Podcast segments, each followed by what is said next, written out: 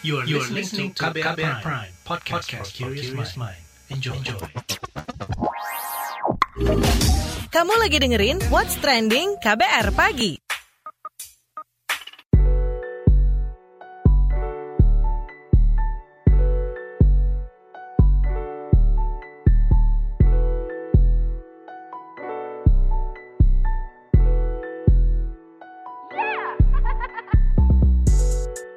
KBR Pagi, siaran pagi radio paling update. Selamat pagi, apa kabar Anda di hari Rabu 13 Januari 2021? Ketemu lagi dengan saya Don Brady di What's Trending KBR Pagi. Well, hari ini di hari Rabu 13 Januari 2021 sepertinya bakal banyak hal yang um, apa ya, yang akan kita saksikan. Salah satunya itu adalah ditayangkan secara langsung ya melalui streaming vaksinasi Presiden Joko Widodo. Jadi juru bicara pemerintah untuk penanganan COVID-19 Wiku Adhisa Smito mengungkapkan Presiden Jokowi akan menjadi orang pertama yang mendapat vaksin COVID-19 di tanah air. Kata dia, nantinya akan ada pejabat lain yang juga divaksin. Proses penyuntikan vaksin atau vaksinasi Presiden Joko Widodo ini sekali lagi dipastikan akan berlangsung di Istana Negara hari ini dan ditayangkan secara langsung melalui streaming. Menkes Budi Gunadi Sadikin saat rapat bersama Komisi Kesehatan DPR kemarin menjelaskan vaksinasi untuk tenaga kesehatan tahap pertama akan dimulai pekan ini. Lebih dari 550 ribu nakes bakal disuntik pada Januari, sedangkan 900-an ribu nakes berikutnya pada Februari. Total nakes yang akan divaksin lebih dari 1,4 juta orang. Sementara Perhimpunan Rumah Sakit Seluruh Indonesia atau PERSI mengingatkan masyarakat untuk tetap tidak melakukan kegiatan yang tidak mendesak di luar rumah meski telah tersedia vaksin COVID-19. Imbauan itu disampaikan Sekretaris Jenderal Persi, Lia Gardenia Parta Kusuma Melihat kondisi rumah sakit rujukan dan non-rujukan pasien COVID-19 mengalami over kapasitas akibat lonjakan kasus positif beberapa hari ini. Lantas bagaimana komentar netizen plus 62 soal ini? Ini dia, kita dengarkan dulu yuk.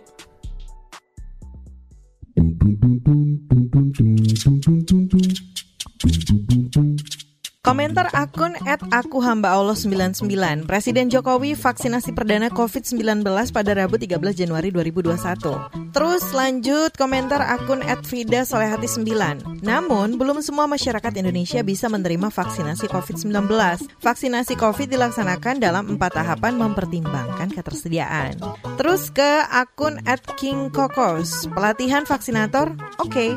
Lanjut ke akun at Beli Ibib, pemerintah pastikan sudah memiliki standar distribusi vaksin yang aman. Pandemi akan berakhir. Tagar distribusi vaksin siap. Lanjut ke komentar akun at hantorov. Pemerintah senantiasa memperhatikan rakyat. Himbauan dan desakan agar vaksin dilabeli halal oleh MUI Pusat telah didengarkan. Kini, tak ada lagi keraguan dan rasa was-was bagi warga umat muslim Indonesia untuk vaksinasi. Lanjut ke akun soya underscore r. I say no. Tagar tolak divaksin Sinovac. Terus ke at Tria Mulyani 12, mending beli sendiri yang 95% daripada yang 65% meskipun gratis. Terus ke akun @flowfaira. Why do some people declare tagar tolak divaksin Sinovac?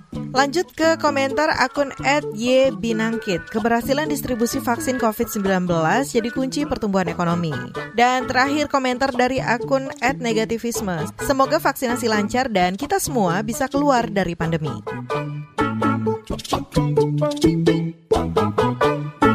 What's Trending KBR Pagi. Balik lagi di What's Trending KBR Pagi bersama saya Don Brady yang lagi ngobrolin soal hari pertama vaksinasi.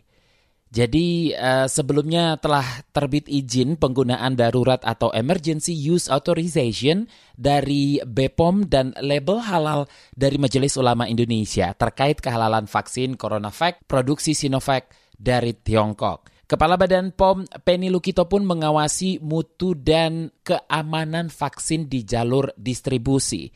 Kita simak penuturannya di hadapan DPR kemarin. Badan POM juga ikut melakukan pengawalan, pengawasan dalam aspek pengawalan mutu dan khasiat di dalam jalur distribusi. Dalam hal ini, pendistribusian vaksin telah dilaksanakan di daerah, di mana hal ini tentunya mempercepat pelaksanaan program vaksinasi karena memang proses distribusi vaksin ini melibatkan banyak sekali pihak yang terkait dalam menyiapkan sistem rantai dingin atau cold chain sampai akhirnya vaksin bisa diterima di fasilitas pelayanan kesehatan. Bio Farma sebagai produsen, sekaligus juga distributor, juga Kementerian Kesehatan, Dinas Kesehatan Provinsi, Kabupaten Kota, dan fasilitas pelayanan kesehatan juga berperan dalam menjaga rantai dingin vaksin. Vaksin yang sudah diterima tetap disimpan sesuai ketentuan suhu 2 sampai 8 derajat Celcius untuk vaksin CoronaVac ini dalam pengawalan ini juga kami melakukan post-market surveillance, pengawasan mutu dan keamanan vaksin sesudah diberikan emergency authorization. Badan POM melakukan pengawasan distribusi vaksin. Dalam jalur distribusi vaksin dilakukan pengawalan mutu melalui adalah penerbitan lot release untuk memastikan setiap batch produksi yang akan digunakan mutunya konsisten. Kemudian sampling vaksin yang berbasiskan risiko pada jalur distribusi dan titik-titik sarana pelayanan dengan pengujian dilakukan oleh Badan POM. Setelah masyarakat mendapatkan vaksin juga akan terdapat kemungkinan potensi terjadinya kejadian ikutan pasca imunisasi KIPI. Kejadian medis yang tidak diharapkan tersebut nanti akan dilaporkan pada pengelola program imunisasi kepada Badan POM sebagai otoritas obat apabila diperlukan dapat diambil langkah-langkah dikaitkan dengan regulatori yang dikaitkan dengan produk dari vaksin tersebut. Nah, terkait program vaksinasi yang telah dimulai ini, saya akan berbincang bersama Ketua Satgas COVID-19 PBID Zubairi Zurban. Pak Zubairi, bagaimana Anda melihat kesiapan program vaksinasi dan persiapan tim vaksinator? Oh, sudah kelihatannya sudah siap banget. Akan persiapan distribusi sudah dikerjakan, kemudian kelompok-kelompok siapa yang ini. Jadi sih kelihatannya kita harapkan tentu bisa lancar karena persiapan kan bahkan kan dulu orang nanya bahwa nih uang belum dapat izin kok sudah pakai persiapan, pakai distribusi. Nah sekarang begitu dapat izin kan sebagian besar sudah didistribusikan ke daerah-daerah. Jadi termasuk di daerah juga datanya sudah mulai siap sih. Tentu mungkin masih ada kekurangan di sana, tapi kayaknya sih sudah siap. Bagaimana memastikan informasi terkait vaksin dan kapan penerima vaksin harus kembali uh, disuntik nih sampai ke masyarakat? Oh kan digital, jadi jadwalnya sudah ada tanggal-tanggalnya. Kemudian kapan kan terdiri dua kali suntan dan sesuai dengan yang dipesankan nanti harus datang tanggal berapa. Sampai dengan suntikan kedua pun belum tercapai kekebalan, jadi harus hati-hati. Tetap karena kekebalan daya lindung itu baru optimal kira-kira 3-4 minggu setelah vaksinasi yang pertama. Efikasi vaksin di angka 60-an persen ini adakah uh, catatan khusus agar program vaksinasi berhasil di Brazil dan Turki itu lebih tinggi efikasi uh, uh, vaksinnya. Bagaimana nih? Itu kan efektivitas itu banyak dipengaruhi banyak faktor. Masalahnya yang di Indonesia itu yang relawan yang disuntikan dari masyarakat umum itu kemungkinan untuk tertularnya kan lebih rendah dibandingkan dengan kalau yang di Turki maupun yang di Brazil itu mereka pada masyarakat tenaga kesehatan yang di Brazil, kalau yang Turki tenaga kesehatan yang berisiko tinggi itu dan masyarakat yang berisiko non nakes yang berisiko lumayan tinggi. Dalam hal itu memang bisa diharapkan bahwa efektivitasnya lebih tinggi karena risiko penularan lebih tinggi di Brazil maupun di Turki dibanding yang di Bandung. Apa yang harus dilakukan penerima vaksin sebelum dan sesudah menerima vaksin, termasuk jika mengalami gejala efek samping nih Pak? Ya kalau efek samping memang kadang-kadang ada pegelinu, nyeri, kemudian agak demam sedikit, satu dua hari sudah sembuh dan tetap harus menjaga, tapi saya katakan di awal tadi harus tetap menjaga eh, risiko penularan, tetap kalau keluar rumah pakai masker, sering cuci tangan dan seterusnya. Itu sampai jangka panjang, pertama daya lindungnya baru akan aktif setelah sekitar 3-4 minggu. Yang berikutnya untuk jangka panjang sampai pandemi ini selesai itu masih masih tahunan. Jadi jangka panjang tetap kita harus memakai protokol kesehatan. Terima kasih Ketua Satgas COVID-19 PBID Zubairi Zurban.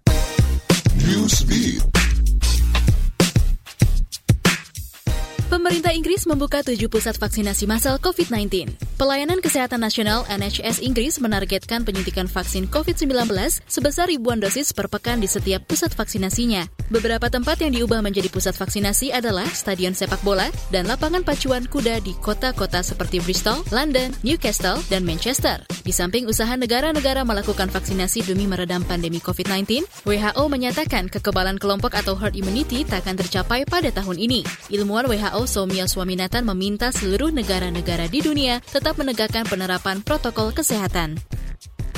Raja Malaysia Al Sultan Abdullah mengumumkan keadaan darurat di seluruh negeri. Istana mengatakan kondisi darurat diberlakukan hingga Agustus mendatang untuk mengekang penyebaran COVID-19. Keputusan keadaan darurat diambil setelah Sultan Abdullah bertemu dengan Perdana Menteri Muhyiddin Yassin di Istana Negara Senin kemarin. Istana mengatakan keputusan itu diambil sebagai langkah proaktif untuk menertibkan dan mengatasi pandemi. Pasalnya, kasus harian positif COVID-19 yang terus naik sejak Desember lalu. Kasus di Malaysia mencapai rekor tertinggi minggu lalu menembus angka 3.000. Total kasus virus corona melewati 138 ribu dengan kematian total mencapai 500 pasien. Presiden Marvel Studios Kevin Feige mengungkapkan film Black Panther 2 akan fokus ke Wakanda lantaran mereka tidak akan menggunakan CG Chadwick dan tidak mencari pemeran T'Challa. Feige mengatakan Wakanda adalah tempat untuk mengeksplorasi lebih dalam karakter dan subkulturan yang berbeda. Saat ini, sutradara sekaligus penulis naskah Ryan Coogler tengah menulis naskah film ini. Film Black Panther sendiri akan bercerita tentang kemajuan teknologi dan inspirasi Wakanda. Desember lalu, Feige telah mengungkapkan dirinya tak akan mencari pemeran baru yang dapat menggantikan Chadwick Aaron Boseman, sebab Boseman sangat ikonis di dalam film Black Panther. What's Trending KBR Pagi. Selamat pagi buat Anda yang baru saja mendengarkan What's Trending KBR Pagi. Kita lanjutkan ngobrol soal hari pertama vaksinasi ya seperti yang kita ketahui kalau hari ini nanti akan diadakan penyuntikan uh, proses penyuntikan vaksin atau vaksinasi Presiden Joko Widodo yang dipastikan akan berlangsung di Istana Negara dan live streaming. kita tunggu ya. Nah, apa saja sih sebenarnya yang perlu diperhatikan untuk memastikan keberhasilan vaksinasi? Kini kita obrolkan bareng epidemiolog dari Fakultas Kesehatan Masyarakat Universitas Indonesia, Tri Yunis Miko Wahyono. Vaksinasi dilakukan bertahap, apa saja yang harus dihadapi masyarakat di masa uh, dilaksanakan vaksinasi ini, Mas Tri? Pertama, bahwa vaksin efikasinya itu 65,3. Kemudian efek hazardnya atau efek sampingnya yang berat nggak ada, kemudian yang sedang juga tidak ada, cuman efek samping ringan. Jadi itu perlu diketahui masyarakat. Yang kedua, bahwa kapan masyarakat diberikan begitu. Yang pertama adalah bagi petugas kesehatan begitu. Itu dari 3 juta dosis yang ada di Indonesia sekarang yang yang siap disuntik atau vaksin yang siap disuntik itu buat petugas kesehatan begitu. Jadi belum ada untuk masyarakatnya. Baru datang 12 juta dosis Kemudian itu masih buat lini terdepan, buat garda terdepan pada kepolisian, ABRI, dan atau aparat pemerintah begitu dari kelurahan dan kecamatan. Kalau vaksin efikasinya 65 persen, kemudian kemungkinan ke coverage yang harus dicapai supaya menimbulkan hak pada herd immunity atau kekebalan populasi itu harus 95 persen begitu kali atau lebih. Bahkan harus 100 persen. Kalau 100 persen aja kemudian hanya 65 persen yang punya imunitas begitu. Sisanya 35 persen tidak punya imunitas. Jadi orang-orang yang tidak punya imunitas kemudian disuntik lagi begitu sampai menimbulkan imunitas. Mungkin kalau digilirkan tiga kali, kemungkinan imunitasnya akan timbul begitu. Nah, seusai vaksin, apa yang harus dilakukan? Bisakah penerima vaksin langsung mendapat kekebalan dan beraktivitas secara normal? Imunitas pada vaksinnya tergantung antibodinya, tergantung antigenisitas dari tubuh dalam merespon uh, vaksin. Kalau tubuhnya merespon antibodinya terbentuk ya aman. Kemungkinan dia tidak perlu pakai masker lagi. Tapi kan itu terjadi kemungkinan 65% pada orang yang disuntik. Anda mau gambling, nggak pakai masker lagi. Jadi kalau kamu disuntik dengan vaksin yang vaksin efikasinya 65 persen, 65 persen kemungkinan timbul antibodi di dalam tubuh kamu, 35 persen tidak gitu. Menurut saya dengan vaksin efikasi segitu saya nggak mau gambling. Oke, bagaimana memastikan keberhasilan uh, program vaksinasi baik dari sisi masyarakat sebagai penerima vaksin maupun pemerintah? Keberhasilan vaksinasi adalah kalau satu, kekebalannya timbul pada orang-orang yang divaksin. Artinya pada 65 persen yang divaksin ke, timbul kekebalan dengan timbulnya kekebalan pada orang-orang yang divaksin, kemudian infeksi COVID atau kasus baru COVID di Indonesia akan turun begitu. Tentunya tidak disingkirkan bahwa menggunakan masker juga merupakan faktor kedua yang menyebabkan penurunan kasus COVID di Indonesia. Jadi mungkin kalau 30 juta, 40 juta, 50 juta, bahkan 100 juta penduduk Indonesia kalau sudah divaksin ya mungkin akan menurun kasus COVID-nya. Tapi tidak hilang ya, menurun. Nah sekarang harapannya kalau vaksin itu dia sudah diberikan oleh atau kepada masyarakat, harapannya selanjutnya kalau kasusnya sudah sedikit, masing-masing kabupaten bisa mengisolasi kasus, bisa mentes dengan banyak kasus-kasus yang timbul di kabupaten semua kasus yang ada kemudian diisolasi dengan baik sehingga tidak terjadi penularan. Kalau tidak terjadi penularan akan menurun sekali walaupun vaksin yang diberikan dengan efektivitas yang 65 persen begitu. Terima kasih epidemiolog dari Fakultas Kesehatan Masyarakat Universitas Indonesia, Tri Yunis Miko Wahyono. Commercial break. Commercial break. Psikolog Tiffany Chandra menjelaskan ciri-ciri orang tua toksik karena ini kan toksik dan tidak toksik agak susah ya yeah. bagi kita untuk membedakan terutama di budaya kita. Yang nggak boleh tuh kayak melawan orang tua. Memang kita yeah, tuh yeah. dari kecil dibiasakan orang tua selalu benar. Memang kita udah terima itu sebagai suatu fakta. Betul, nah sulitnya bagi kita membedakan itu sehingga kebanyakan yang punya orang tua toksik tapi nggak sadar bahwa secara emosional mereka sudah di abuse karena mereka taunya memang yang namanya orang tua ya kayak gitu selalu benar yang salah pasti anaknya. Itu yang dikhawatirkan nanti. Nanti pasti pembelaannya ya kalau mama atau papa nggak sayang sama kamu nggak mungkin lah kamu disekolahin nggak mungkin lah dibeliin macem-macem gitu. Hmm. padahal mungkin secara emosional mereka memang mendapatkan abuse. Simak lengkapnya dalam podcast Disco Diskusi Psikologi episode menghadapi orang tua yang toksik di kbrprime.id atau platform mendengarkan podcast lainnya What's Trending KBR Pagi